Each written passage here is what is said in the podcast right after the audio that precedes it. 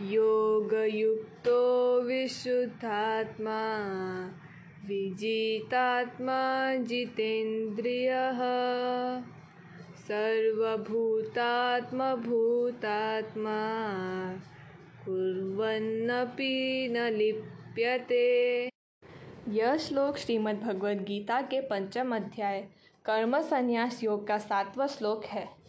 इस श्लोक में कहा गया है कि जिसकी इंद्रियाँ अपने वश में है, जिसका अंतकरण निर्मल है, जिसका शरीर अपने वश में है और संपूर्ण प्राणियों की आत्मा ही जिसकी आत्मा है, ऐसा कर्मयोगी कर्म करते हुए भी लिप्त नहीं होता। दूसरे शब्दों में, जिस साधक को अपने शरीर, मन एवं बुद्धि पर पूर्ण संयम है, वह ध्यान की सर्वोच्च साधना के लिए योग्यतम है। वैषयिक प्रवृत्ति, मन में विक्षेप एवं अतिरिक्त इच्छाएँ ध्यान समाधि में आने वाली मुख्य विघ्न है।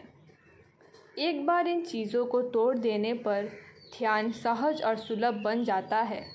फिर साधक को आत्मा का साक्षात अनुभव तत्काल और उसकी संपूर्णता में होता है।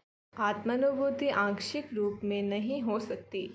यदि साधक केवल स्वयं को दिव्य और शुद्ध स्वरूप अनुभव करे और अन्य को नहीं तो उसका अनुभव वास्तविक और प्रामाणिक नहीं कहा जा सकता। सम्यक दर्शन को प्राप्त हुए पुरुष के लिए तो शुद्ध आत्मा सर्वत्र एवं समस्त कालों में व्याप्त है।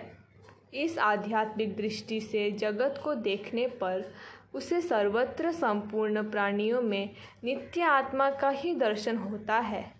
ऐसे ज्ञानी पुरुष को ही यहाँ सर्वभूतात्मा भूतात्मा कहा गया है, जिसका अर्थ है, वह पुरुष जिसकी आत्मा ही सर्वभूतों की आत्मा है। जब एक तरंग अपने वास्तविक समुद्रिक स्वरूप को पहचान लेती है, तब ज्ञान में स्थित उस तरंग के लिए कोई भी अन्य तरंग समुद्र से भिन्न नहीं हो सकती।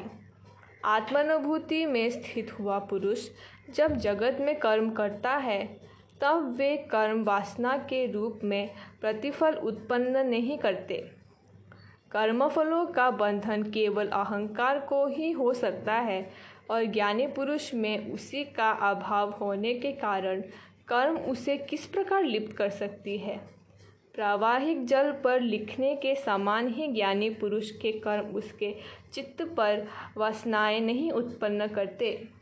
भगवान श्री कृष्ण कर्मयोग के सिद्धांत का पुनः पुनः प्रतिपादन करते हैं।